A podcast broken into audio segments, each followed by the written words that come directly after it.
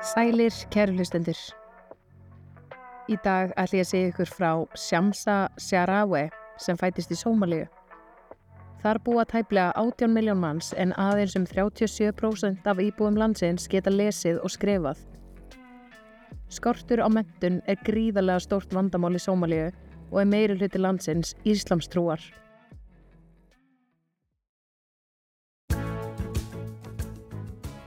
Afríka. Það er ekkert eins og Afríka. Liktinn af brendur rusli, fólkið, gleðin, söngurinn, maturinn, dýrin og vilt náttúran. Ég fór til Tanzania og Kenya í Austur Afríku árið 2011 með One Way Ticket. Ég held ég myndi aldrei upplifa þennan draum, en sem betur fer fekk ég að upplifa það á eins ódreiknarlegan hátt og mögulegt var. Mér fannst ég aldrei óörug. Mér fannst ég geta treyst nánast hverjum sem er. Náttúran er náttúrulega engu lík. Hittin er alveg steikjandi og að sjá vilt dýralíf er, wow, bara ólýsanleg upplifun. Hins vegar, eins og við öll vitum, eru mörg svæði og lönd í Afríku mjög óþróið. Alltaf mikið af fólki fær enga mentun yfir höfuð sem hefur þær afleggingar að fólk veiti í alverunni ekki munin á rétt og raungu. Yfirleitt eru trúabræð það sem fólki í óþróum löndum lifir eftir, sem gengur frá kynslu til kynsluðar og fólk heldur í vennjur og siði í nafni trúabræða sem eru oft alveg glórilausar, ofbeldisfullar og skadandi fyrir einstaklinga. Ég vil taka fram að þátturinn er ekki við hæfi batna. Saga Shamsa Sharawe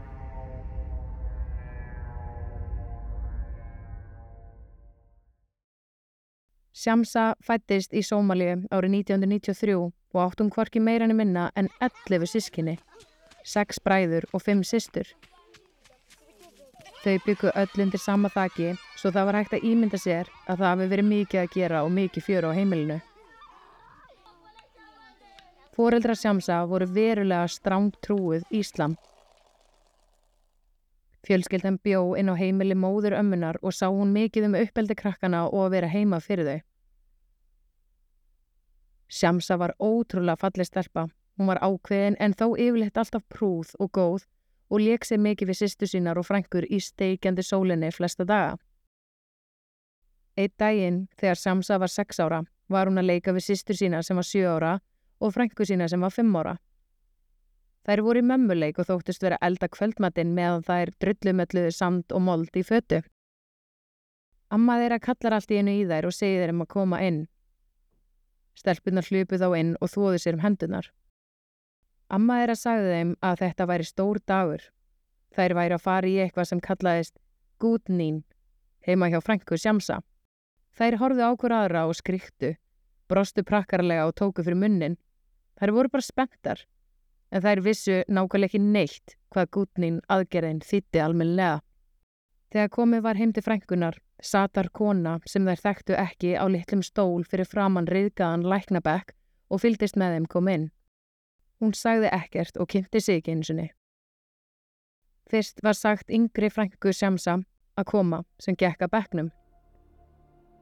Um leið hún sast á hann, gripu amman og þrjár aðrar fullarna manneskjur í alla útlimi stelpunar og horðu á hvort annað og kinkuðu kolli. Þau tók hana úr stuppusónum sem hún var í og henduði þeim á gólfið. Littla stelpan ávarpaði fjögur hálf vandraðaleg. Hún vildi vita hvað var að gerast. Hún hjælt að þau væri eitthvað að stríða sér með að halda svona í sig. Ekkert var sagt í stelpuna eða útskýrt og Shamsa og sýstrinnar sátu bara og horfðu á eins og eitt spurningamerki.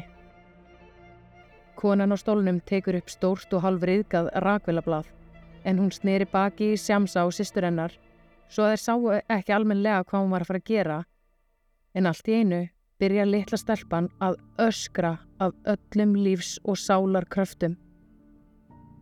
Hún öskraði og veinaði, grét og reynda að berjast um. Shamsa sá allt í einu mjög mikið blóð og tók í hendin á sýstusinni og augun byrjuði að fyllast hárum. Hvað var eiginlega verið að gera við frængunar? Af hverju var verið að meiða hana svona? Littla stelpan hætti ekki að öskra í eina sekundu, heldur urðu öskrin og gráturinn sífælt verri og Shamsa ætlaði ekki að trúa sínum eigin augum. Fullorðna fólkið hjælt henni niðri og lágu ofan á útlimumennar eins og risastóri steinar. Littla stelpan var orðið nánast blá í framann af öskrum. Hún byrjaði svo að öskra á hjálp. Shamsa og sýsturinnar voru byrjaðar að gráta og hlupu svo út af hræðslu og reyndu að hlaupa í burtu. Þar sem þær voru 6 og 7 ára komust þær ekki langt og þær voru sóttar og komið var með þær aftur inn í þessar hræðilegu aðstæður. Þær sáu þegar saumað var algjörlega fyrir kinnfæri litlu stelpunar sem var enn öskrandi og viti sinu fjæra sársöka. Allt var í blóði sem hafði slest út um allt og þetta var svo óreimverulegt. Þær hafðu kvorugar séð eða heyrt nokkuð þessu líkt. Að lókum var haldið á litlu stelpunni úr stólnum og farið með hana af síðis. Shamsa og sýstirinnar heldu utanum hvora aðra og horfðu á eftir henni gjörsamlega uppgefna af sársöka en grátandi með ekkasóðum. Þá var rauðin komin að Shamsa að setjast á bekkin. Hún hristi hausinn og neytaði að koma og faldi andlitið í örmum sýsturinnar. Þá stóð ammennar og frendi upp og gengu aðinni og rifana úr örmum systurinnar. Sjámsa öskraði nei, nei, nei, nei, nei, nei, nei og barðist um á meðan hún var dregin í stólinn. Hún barðist af öllum kröftum, reynda að sparka, rífa sér lausa og hræðisland yfirtókana. Þar sem hún var bara sex ára hafði fullorðna fólki auðvitað taka á henni og tveir aðrir fjölskyldumæðlimir hennar tóku þátt í að halda henni neðri. Hún fann hvernig blóðið úr frænkunar á bekknum snerti rassin og lærin á henni og þegar hún sá konuna sem hún þekkt ekki lifta blóðið úr akvilablaðinu og nálgast klófið á sér var Sjámsa viti sínu fjær. Nei, nei, nei, nei, nei, nei, öskra hún. Þegar rakvilablaðið snerti húðin hennar fann hún svo gríðarlegan sársöka að ekkert sem hún hafði upplifað komst nálægt í að vera jafn sársökafullt.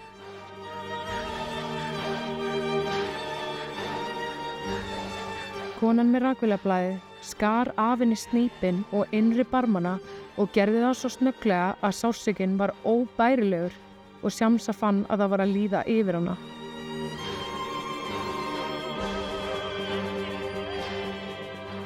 Hún sá allt í einu ekki neitt, heyrði ekki neitt. Heldur fann bara hvernig rakvilablaði rann í gegnum húðin hennar og blóðið fossaði úr klófin á henni. Shamsa hjælt að hún myndi deyja. Sásökinn var bara of mikill til hún myndi lifa þetta af. Hún öskraði og greið linnulaust.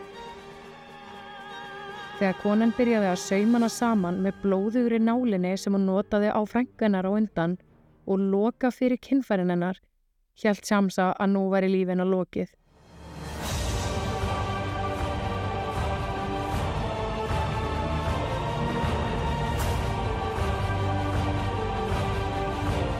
Hún horfið á fjölskylduna sína, halda sér niðri, svitin lag af sviplísu andlitið þeirra og þau sögðu ekki orð. Fullorðni frændinar tók allt í einu klút upp úr vasanum og batt fyrir munnin á henni því öskurinn voru bara það há og mikil. Sjámsa barðist um og reyndar hrista hausinn Fjölskyldan hennar bröðust henni gjörsamlega og hún fann að hún gati ekki lengur treyst sínu nánasta fólki sem hafi alltaf verið svo góð við hana. Af hverju vildu þau láta meiðan og svona? Af hverju hjálpaði henni enginn?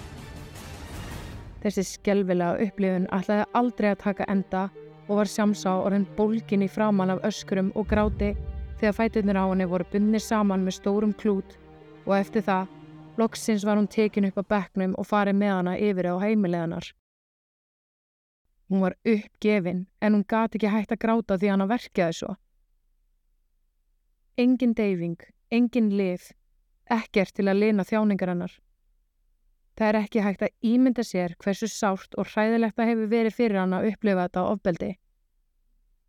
Fjölskyldan hennar að halda henni neyðri líka og setti klút í munnin á henni og leti ykkur að konu með skítugt rakvilablað skera af henni kinnfærin og loka fyrir þau. Shamsa gati ekki gengið í marga mánuði. Seks ára gammalt barn sem var vant í að hlaupa fram úr rúmunni sína mótnana, hamingisum með brósaför, þurfti núna að horfa á fóreldri sína, þrýfa sárið sem blætti endalust úr og sjá hversu illa var búið að fara með kynfærin hennar. Hún held að sársökinn myndi á endanum binda endi á lífennar, þetta var bara of mikið. Shamsa svaf illa næstu vikur og var alltaf hrætt. Henni kveið alltaf fyrir að þurfa að pissa því að pissið var svo lengi að leka út um þetta pínuleitla gat sem sveið svo lengi og svo mikið á meðan hún var að pissa. Hún helt stöðugt að fóreldra hennar og fjölskylda að vera að plotta eitthvað aftur, einhverja svipaða pyntingu. Hún rökk upp sveitt á nóttunni, helt að einhver værundir rúmin hennar að býða eftir að hún stigi fram úr og var myrkvælin og stöðugt í varnastöðu sem gerðana uppgefna andlega. Það tók nokkra vikur fyrir sárið að gróa nægilega vel til að Shamsa geti byrjað að leika sér aftur og hlustaði stöðugt á fóreldri sína að tala um að þetta hafi verið gert við hana í trúalegum tilgangi og væri bara eðlilegt og eitthvað sem alla stelpur þyrst að gangi gegnum. Bara einu sinni. Annað væri bara ekki snirtilegt og væri til skammar. Það átti alltaf að vera augljóst að stúlka sér hrein mei þar til hún er gefin til framtíðar einmannsins. Í heilt ár eftir þetta vann móðir Shamsa stöðugt af því að fá landvista leifi fyrir fjölskylduna í Breitlandi. Það hefnaðist og fjölskyldan fluttist til London. Kvílikt menningarsjokk fyrir börnin, þau höfðu aldrei séð neitt þessu líkt. Shamsa man að hún hafi verið hrætt við nýju tilveruna því konur klætti sér svo skringilega að hennar mati. Það sást allt og mikið í kvítu húðin á þeim og hún hjælt í langan tíma að kók og pepsi inni hjæltu alkohól. Hún hjælt að allt fólk drikki áfengi sem drikki gós, börn og fullornir. Shamsa byrjaði á blæðingum þegar hún var nýjóra. Í Sómalíu er engum stelpum sagt frá blæðingatímabilinu og hvernig það virkar og af hverju það gerist. Það er bara talið ógeðslegt og óeðlilegt umræðefni. Svo lang flesta stelpur halda að þær séu veikar og jafnvel döðvona þegar þær byrja á blæðingum. Þegar Shamsa á endanum brotnaði niður og sagði móðu sinni frá að það væri stöðugt að blæða úr kinnfæranum hennar og hún væri svo hrættum að það væri eitthvað að, þá hló móður hennar og sagði að hún væri ekkert veik. Þetta væri blæðingar sem væri fullkomlega eðlilegt eitthvað sem átti að gerast og síndi að allt væri í lægi með hana. Shamsa var ekki sínt eða kent hvernig nátt að nota þetta með stöðmöpundi sem er óskilnilegt að mínu mati.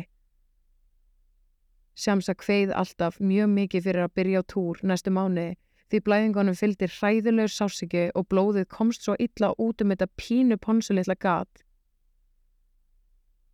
Shamsa fór oft til læknis sem gerði í rauninu bara ráð fyrir að Shamsa væri með svona svæstna túrverki og skrifaði upp á verkjalið fyrir hana.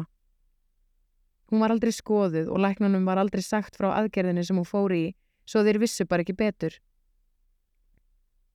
Það tók mjög langan tíma fyrir sárið að gróa á viðkvæmi húðinennar. Það var stöðugt að ripna örlítið upp og því fylgdi svo mikill verkur og sviði þegar hún þurfti að pissa. Það eru nokkrar gerðir af þessum aðgerðum. Númer 1. Snýpurinn er skorin af. Númer 2. Snýpurinn og innri barmannir skornir af. 3. Versta típan af aðgerðinni sem er snýpurinn, innri barmar og ytri barmar fjarlæðir og allt sauma saman. Aðinn skilið eftir örlítið gat fyrir þvag og tíðablóð til að komast út svo lítið að það sérst valla. Á kynþróska aldrei vildi Shamsa fá kynfræslu sem fóreldrarinnar voru mikið á móti að hún fengi. Þau vildu alls ekki að hún myndi vita neitt um líkamann og breytingarnar sem að fylgjur hormónum og þessum aldrei yfir höfuð. En Samsa var staðráðinn í að vilja fá þessa kennslu svo hún var búin að æfa undirskrift móðu sinnar og náða falsa undirskriftina sem síndi fram á leifi til að mega taka þátt í kynfræslu. Shamsa var í sjokki þegar hún sá myndir af kinnfærum kvenna. Hún vissi að þetta væru kinnfæri á konum sem að hefðu ekki farið í þessa aðgerð. Henni var alveg sama um karlakinnfæri en henni fannst ógeðslegt að þurfa að horfa myndir af svona óþryfnaði og viðbjóslegum kvenn kinnfærum. Á eldstasti í grunnskóla um 15 ára frétti Samsa að aðgerinn sem hún gekk í gegnum var ólögleg og talin ofbeldi og það væri stöðugt verið að reyna að fá trúa fólk sem eru hlindisu að sjá hversu rámt þetta er og hversu hræðilega það hefur á heilsu kvenna í framtíðinni. Shamsa vissi ekki hvað hún ætti að halda lengur. Henni fannst hún vera öðruvísi og óeðlileg. Hún var stöðugt að spá í því hvaða stelpur getur mögulega verið eins og hún og hún braut sjálfa sér stöðugt niður fyrir þetta. Hún vildi ekki kynna strákum en fóreldrar hennar voru vanir að kalla hana druslu og hóru þegar komaði að skammana. Shamsa er sannfærðum að það hafi ekki verið meint þannig hjá þeim. Heldur einhver leið til að fyrirbyggja að hún ætti ekki að hegða sér eins og hóra því þá væri lífennar bara ónýtt og hún myndi enda ein og fátæk, verslast upp og deyja. Þannig Shamsa hlustaði á fóreldri sína að beita sig andlegu ofbeldi trekk í trekk og þótti þá að endanum ekkert tiltöku mál að þau kölluðu hana þessum ljótu nöfnum. Shamsa átti erfitt með að læra tungumálið, var lesblind og var mjög lengi að læra í skólanum, svo það var líka eitthvað til að bæta ofan á óörygennar. Hún vildi aldrei að fólk snert hana og hún vildi ekki að neitt missi af lendamáluninnar, sem var hvernig hún leiti út að neðan. Shamsa let bara upp sömu andlitskrimuna alla daga þegar hún þurfti að vera í kringum manna fólk og let sem hún væri eins og aðrir á meðan hún brann að innan. Senda átti Shamsa til Sómalíu þegar hún var 17 ára. Hún var búin að vera lengi að finna út hver hún væri. Hún átti að vera svona svona í Breitlandi á meðan í Sómalíu átti hún að vera allt öðru sig. Svo hún fann sig illa og vildi tengja Sómalíu aftur. Kanski myndinni líða betur á heimaslóðunum. Kanski erði hún eitthvað tíman samþygt af fjölskyldinannar. Hún var orðin fullorðin og hafði bara góða minningar um verið sína þar. Shamsa og móðurinnar ákvaðu svo að ferðast til Sómalíu saman og millilendi í Dubai og skemmti sér konunglega þar og tengdust aftur kraftmiklu mæðraböndum. Shamsa fekk flottar og fínar gjafir þar, var degruð alveg svo prinsessa og hún átti æðislegan tíma með mömmu sinni og hjælt í þá trú um að hlutinir erðu áfram bara batnandi og hún erði svo að lokum mjög hamingisem að vera mannisken sem hún var. Þegar þær komið til Somalíu tók móðir hennar vegabrefið hennar og sagði að það væri af öryggis ástæðum. Hún ætti ekkert með að geta ferðast eins og hún vildi eða þegar henni ditti það í hug. Nú væri bara lífið sem væri ætlaðinni að byrja. Mammennar skildi svo við hana og Shamsa endaði á heimili eldri frængusinnar sem hér líka Shamsa. Shamsa fekk bóð að koma á viðburð sem var kallað Tashir. Frængan er gráðbaðana að fara ekki, en Tashir er eitthvað sem Al-Shabaab meðlemi stunda en það eru skjelvileg og hættuleg íslemsk hriðverkasamtök, svipið og Al-Qaida. Tashir er refsing sem einhver aðili fær fyrir að brjóta reglur stangast á við trúna eða gera eitthvað ólulegt. Þá er fólk beðið um að koma og horfa á þegar einstaklingunum er refsað og allt fólk á öllum aldrei eiga að koma. Sjámsa vildi endilega fara, bara til að vita um hvað máli snerist. Þetta hlauta vera eitthvað saklausara en frænganar sagðinni, víst að börn máttu meiri segja að koma og horfa. Sjámsa fór og stóð framalega fyrir framann pallin þar sem refsingin átt að eiga sér stað. Allt í einu var einhver maður dreginn fram á pallin sem var augljóslega döður hrættur og hann var kildur og lamin þángar til hann lág flatur og máttlaus. Það átti svo að höggva af hann um hendina með sveðju. Húnum var haldið niðri og það tók þrjá skurði fyrir sveðjuna að fara í gegnum hendina þar til hún losnaði af handlegg mannsins. Maðurinn öskraði og veinaði, greið og fór með bænir þar sem hann lág í stingandi sásöka. Sá sem skara af honum hendina tók hana upp og veifaði henni framann í áhörfundur sem voru mörg börn og ullingar og fólk á öllum aldri. En móðir mannsins var neitt til þess að horfa són sinn upplifa þetta. Afskorinn hendin var svo látin ganga á milli fólk sem átti að veifa á svipaðan hátt og sá fyrsti gerði. Að lokum var hinn hendin á manninum látin fara ofan í sjóðandi ólíu og þá misti maðurinn meðutund. Síðan var hann dregin á pallinum. Shamsa stóð gjörsamlega orðlaus og í sjokki yfir því sem hún hafði orðið vittnaf. Hún hugsaði með sér Ég mun aldrei, svo lengi sem ég lifi, styðja eitthvað svona í nafni trúabræða minna. Þetta er ekki rétt. Það passar ekki að trúa bröðun okkar segja okkur að gera slíkt við hvort annað. Að lókinni aðtöfninni voru hveðnar upp bænir sem allir áhorfindur átt að apa svo eftir. Sjámsa vildi ekki taka þátt en nittist til þess að hreyfa munnin eins og hún væri að segja bæninnar því ef einhver tækja eftir henni að hún væri ekki að þylja upp þessa bænir var maður að fylgjast með fólkinu tilbúin með svipu og aðilinn er þið lamin þar til hann væri við dauðan styr. Sjámsa reyndi að halda aftur tárunum. Hvað var eiginlega gerast? Var þetta bara eðlilegt? Og fólk tekur þátt í þessu bara eins og ekkert sé? Sjámsa gæti ekki hægt að hugsa um þetta.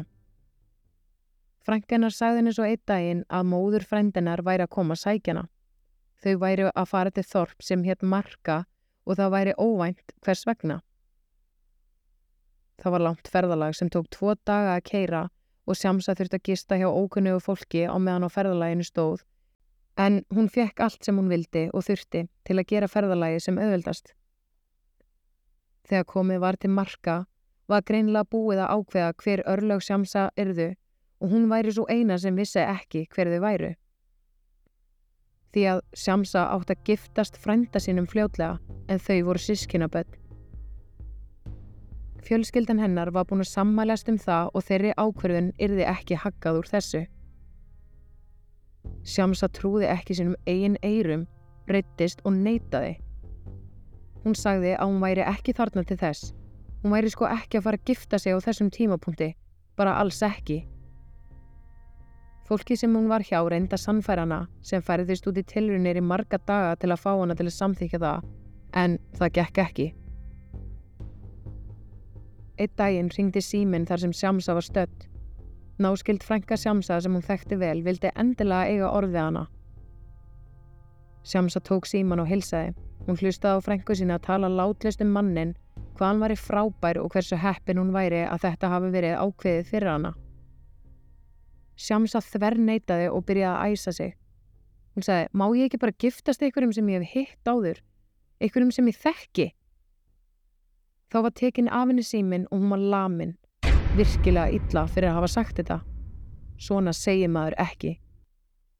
Það var í fyrsta sinn sem Sjámsa upplifi að vera lamin líkamlega og taka við alvöru höggum. Hún var síðan skilin eftir á gólfinu þegar hún hafi fengið nóg og hún áttaði sig á að hún væri í afar flókinni stöðu og hún var ráðalös hvernig hún ætti að koma sér út úr henni. Hún var ekki með vegabref, hún var ekki með bíl, hún var ósynd, þetta var allt fyrirfram ákveðið bakvið hana. Setna sama dag kom aðilinn sem hafi lamið hana inn í herbyggið sem hún gisti.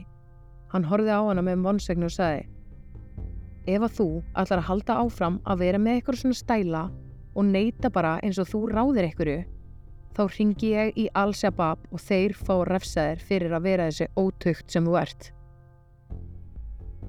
En þannig var það að samkvæmt reglum Al-Shabaab mega börn og konur ekki vera ósamala eldri fjölskyldi meðlumum og svara fyrir sig.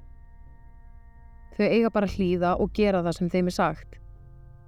Annars geta þau átt von á að vera lokuð inni í alltaf þrjá mánuði þar sem þeim erði oft nauðgað og mistimt. Þegar Shamsa heyrði þetta fyltist hún skelvingu. Hún vissi að Al-Shabaab myndi hafa gaman af því að pynta hana meira en aðra íbúa þorpsins vegna þess að hún var með breskan ríkisborgarétt og það væri ósæmandi fyrir samtökun. Shamsa vissi að ef hún færi í hendur þeirra og erði lokuð inni innan tíma myndi lífinu að vera lokið Hún myndi bara ekki lifa þetta af. Hún skildi ekki hvernig fjölskyldinannar gæt látið svona við hana eins og ekkert væri eðlilegra. Á þessum tímapunkti var Shamsa búin að átta sig á að ef hún ætlaði að lifa af, þyrst hún að hlýða og samþykja allt sem henni var ætlað að gera. Vera góð, stelpa. Móðir Shamsa ringdi eitt daginn og reynda sannfærana um að frændinar sem hún átt að giftast væri örgla bara fínasti maður. Hún hafði aldrei hitt hann sjálf en bara heyrt góða hluti um hann. Hún ætti ekkert að vera neitt hrætt og ætti bara hlýða. Sjámsa gati ekki sagt neitt því hún átti vona á að verða bara barinn aftur ef hún svaraði fyrir sig svo hún jánkaði bara móður sinni sem saðist alltaf sendinni myndavél til að geta tekið flottar myndir og kvatti svo. Myndavélinn barst Sjámsu í pósti og hún ákvaði að selja hana Hún varða að sapna pening til að geta flúið á eitthvað hátt. Eftir nokkra daga var Samsa kölluð fram úr herbygginu sínu og frammi satt stór maður sem hún hefði aldrei séð. Hún var kynnt fyrir verðandi eiginmanninar. Hann væri náskildur frendinar en hann væri tveimur árum yngri en hún, um 15 ára. Fjölskylda Shamsa held ekki upp á ammali eða ammalistaga svo þetta var bara ágískun á hvað hann væri gamal. Hún sagði upphátt að hún vildi ekki giftast honum. Hún gæti bara ekki sagt neitt annað. Þá var hleyið að henni, hún myndi skiptum skoðun fljótlega. Hún viljiði þetta alveg en hún er bara svo barnaleg. Þessi maður hafði ferðast í marga daga til að komast hangað sem hann var nú mættur. Shamsa sagði bara nei og hún sá alveg að hann var miklu eldri en hún. Hann var það stór og karlmannslegur að hann gati ekki annað en verið miklu eldri en hún. Þegar hún gaf sig ekki var henni hótað og að lokum var hún barinn fyrir að játast honum ekki. Shamsa gati ekki gert neitt annað en um að grátið, hún kunni ekki að ringja eftir hjálp eða hafði enga aðra undankomuleið. Ef hún hlipi bara út myndi hún strax finnast og erði sendi í hendur Al-Shabaab.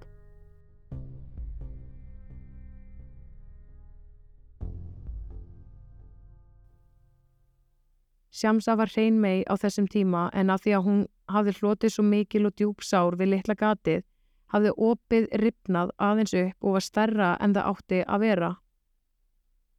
Hún var döðrættum að þessi maður sem hún átti eftir að giftast myndi kvarta og segja frá því að hún væri ekki hrein mei, en samkvæmt reglum Al-Shabaab er hún grítt með steinum til dauða ef hún væri ekki hrein mei. Þess vegna sagði hún frængu sinni frá þessu sem ringdi í móðurinnar sem sagði að Shamsa þyrti að fá skoðun og álit þess sem að hafði vita á því hvort hún væri hrein mei eða ekki. Shamsa var farið til skoðunar var látin býða eftir niðurstöðunum smástönd sem henni fannst vera heil eilíð. Hún reyndi að halda aftur tárunum og svitnaði. Þegar niðurstöðunum bárust var tilkynnt að hún væri enn hrein mei. Sjámsa var bóðið að, að láta sauma fyrir gatið enn betur ef hún vildi, en Sjámsa var nú fljóta afþekka þá og forða sér í burtu. Sjámsa fekk símtal nokkrum dögum setna og þá var fjölskyldan hennar foreldrar og sískinennar sem óskuðinni til hamingi með trúlófinuna. Fadur hennar spurðana hvað hann héti, hverjar trúar hann væri og hvernig hann liti út. Sjámsa sagði þá, býtu, vist ekki hver þetta er eða? Og fadur hennar neytaði fyrir það, hann hafði ekki hugmynd. Sjámsa brotnaði þá niður, fjölskyldan hennar hafði brugðist henni enn eina ferðina og Sjámsa skellti bara á. Stuttu setna komu fullt af konum inn á heimilið sem dressuð hana upp, förðuð hana svo hræðilega illa að liturinn og andlitin hennar samsvaraði einu sinni húðlitnum hennar. Konuna réðust síðan á hárið á henni sem bundið það svo fast með spennum að sjámsa held að ekkert af hárin á henni yrði eftir á husnum. Giftingin var að byrja. Húsið fylltist af gestum sem fögnuðu deginum, matur og vín og borðum og góð stemning. Shamsa var gjössalega að deyja að innan og trúði ekki hversu stjórnlist þetta var allt saman og hvað myndi svo að gerast þegar hún væri pínt til að giftast þessu manni sem ætti hann svo bara alltaf. Aðtöfnin hófst og Shamsa var gift þessum ókunnuga frænda sínum sem stóð sáttur við hlið nýju egnar sinnar. Nú réði hann yfir henni.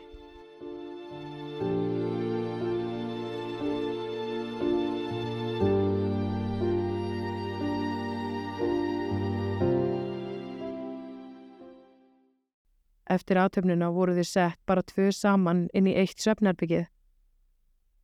Sjámsa stóð fyrir framann eigimann sinn sem spurði hann ekki einu sinni hvernig henni liðið hann eitt.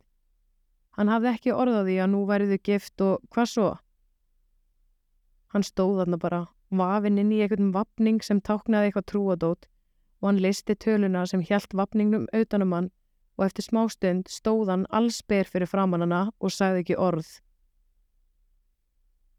Shamsa vissi ekki hvort hún átt að hlæja eða gráta. Eina sem hún vissi var bara að nú væri komin tími til að missa meitóminn. Þótt hún vildi freka deyja á þessum tímapunkti. Hvort sem henni líkaði það betur að verð var þessi maður að fara nöðgani. Maðurinn sagði henni að klæða sig úr og leggjast á baki á rúmið. Sjámsa hlíti, skjálfandi og stjörð úr hæðslu. Maðurinn lagðist ofan á hana með öllum sínum þunga og þvingaði sér inn í hana, en Sjámsa öskraði og greiðt úr sásuga. Hann var beinlinis að rýfa upp á henni gatið sem þýtti þá að hún væri ekki hrein megi lengur. Maðurinn nauðgaði henni trekk í trekk næstu daga.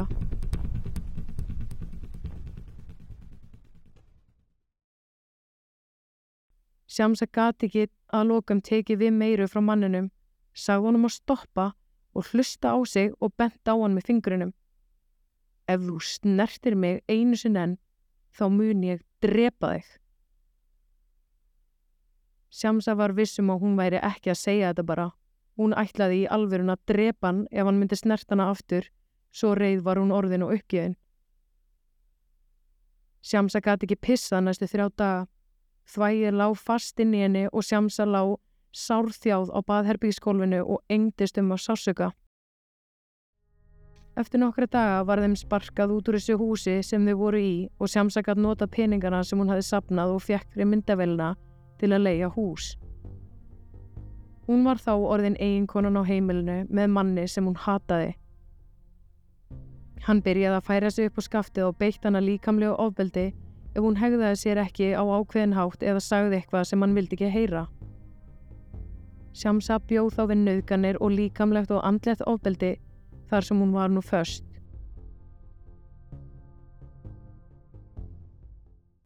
Árið setna talaði Sjámsa við móðu sína og sagði henni hvað væri að gerast.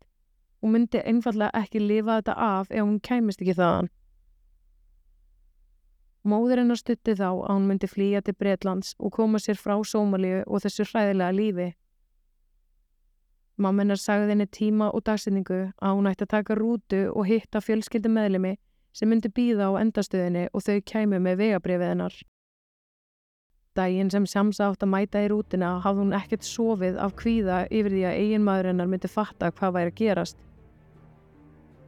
En plani gekk nákvæmlega eins og það átt að ganga. Shamsa komst inn í rútina og fór á endastöðuna og þaðan var hún flutt á flugvillin eftir langt ferðalag. Hún komst á að lókum til fjölskyldu sinnar í Breitlandi. Engin í fjölskyldun hennar buðan á þó velkomna. Hún var að brjóta reglur trúarinnar, gera eitthvað ljótt af sér Móðurinnar var svo eina sem hann var glöð að fá hana aftur og að hún væri komin til Breitlands, að hún hafi verið svo sterk að lifa hennan tíma af. Sjámsa komst að því í stuttu setna að móðurinnar hafi verið tíman sem hún væri burtu í meðferð við heilaæksli sem hafi fundist í höfðun á henni. Móðurinnar var döðvona á fjóruðastíi krabbamenns og ljast sjö dögum eftir að Sjámsa kom til Breitlands aftur. Shamsa kom sér frá fjölskyldinu sinni og náði upp á einn spýtur að byggja sér upp fallett líf sem gefur henni mikið. Hún er ótrúlega falleg og brósmild kona í dag en hún er oft með kennslu og fyrirlestra þar sem hún talar um heimilsofbildi en einnig um stöðfun á aðgerðinni sem hún gekk í gegnum og dreifur sögu og reynslu sinni áfram til að vekja aðtegli á hvað er að gerast á hverjum degi. Hvað konur og börn þurfa að ganga í gegnum en í dag, allt í nafni trúabræða, mentunarleysis og heilaþvottar.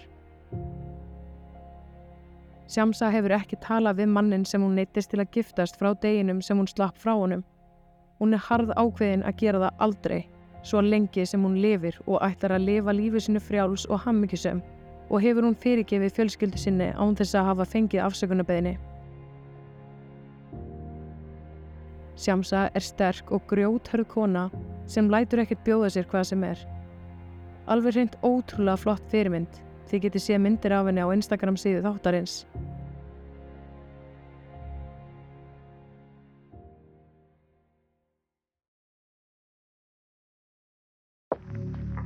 Þá er þessu ótrúlega máli lokið. Ég á svo erfitt með að hugsa til þess að enn í dag séu þessar aðgerðir framkvæmdar á svona ungum stelpum og allt í nafni trúabræða. Ég get ekki ímynda mér að þurfa að láta barn, hvað þá mitt eigið barn, ganga í gegnum hennar hrylling og vera svo sem heldur henni niðri. Shamsa er algjör hetja og hefur komið fram í mörgum viðtölum og berst fyrir því að þessum óleglu viðbjóðslegu aðgjörðum fylgja einhver refsing svo að þeim ljúki. En ég vil þá bara þakka fyrir mig í dag, við erum góðið hvort annað og við heyrumst í næsta þætti. Góða stundir!